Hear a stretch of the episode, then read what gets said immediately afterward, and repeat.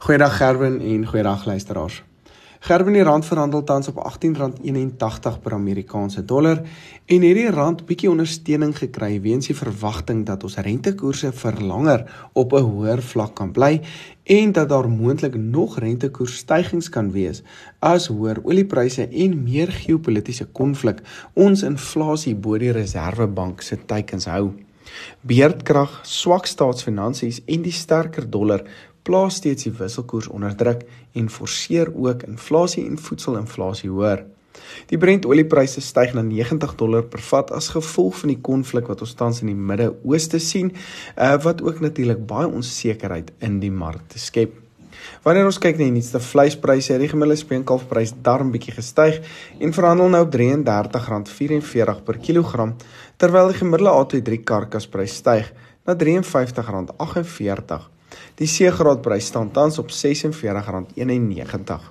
Die vooruitskatting toon dat die A-graadprys as ook die speenkalfprys tot die einde van die jaar huidige vlakke kan handhaaf terwyl die C-graadprys nog opwaartse potensiaal het. In die skaapbedryf het die stoorlandprys gestyg na R38.59 en wys vooruitskattinge dat ons moontlik laer pryse in November en Desember kan verwag. Maar ek dink dat hierdie pryse reeds op so 'n lae vlak is dat dit eerder sywaarts kan bly. Die A23 karkasprys daal verder uh, en verhandel op R83.11 terwyl die C23 prys daal na R59.18. Slagpryse het egter nog afwaartse potensiaal tot en met middel November weens laer verwagte vraag en ons kan moontlik daarna weer 'n bietjie 'n stygings in hierdie pryse verwag. Volpryse het laasweek weer gedaal met die RWS prys op R165.39 en die nie RWS prys op R150.08. In Australië het wolpryse ook gedaal en bly die Chinese aankopers steeds baie prysensitief al bly die aankoopvolumes relatief stabiel. Maar op die oomblik sien ons dat lae vraag vanaf Europa hierdie markte laer druk wat tesame met die sterker wisselkoers oor die afgelope week ons plaaslike pryse ook moontlik onder druk kan sit. Die gevriesde hoendervleisprys styg met 1% na R36.98. Die varsprys styg na R36.95 met die EQF prys hoër op R33.17. Hierdie pryse is gemiddeld 14% hoër as laas jaar die tyd en kan dit moontlik nog styg soos ons na die einde van die jaar beweeg.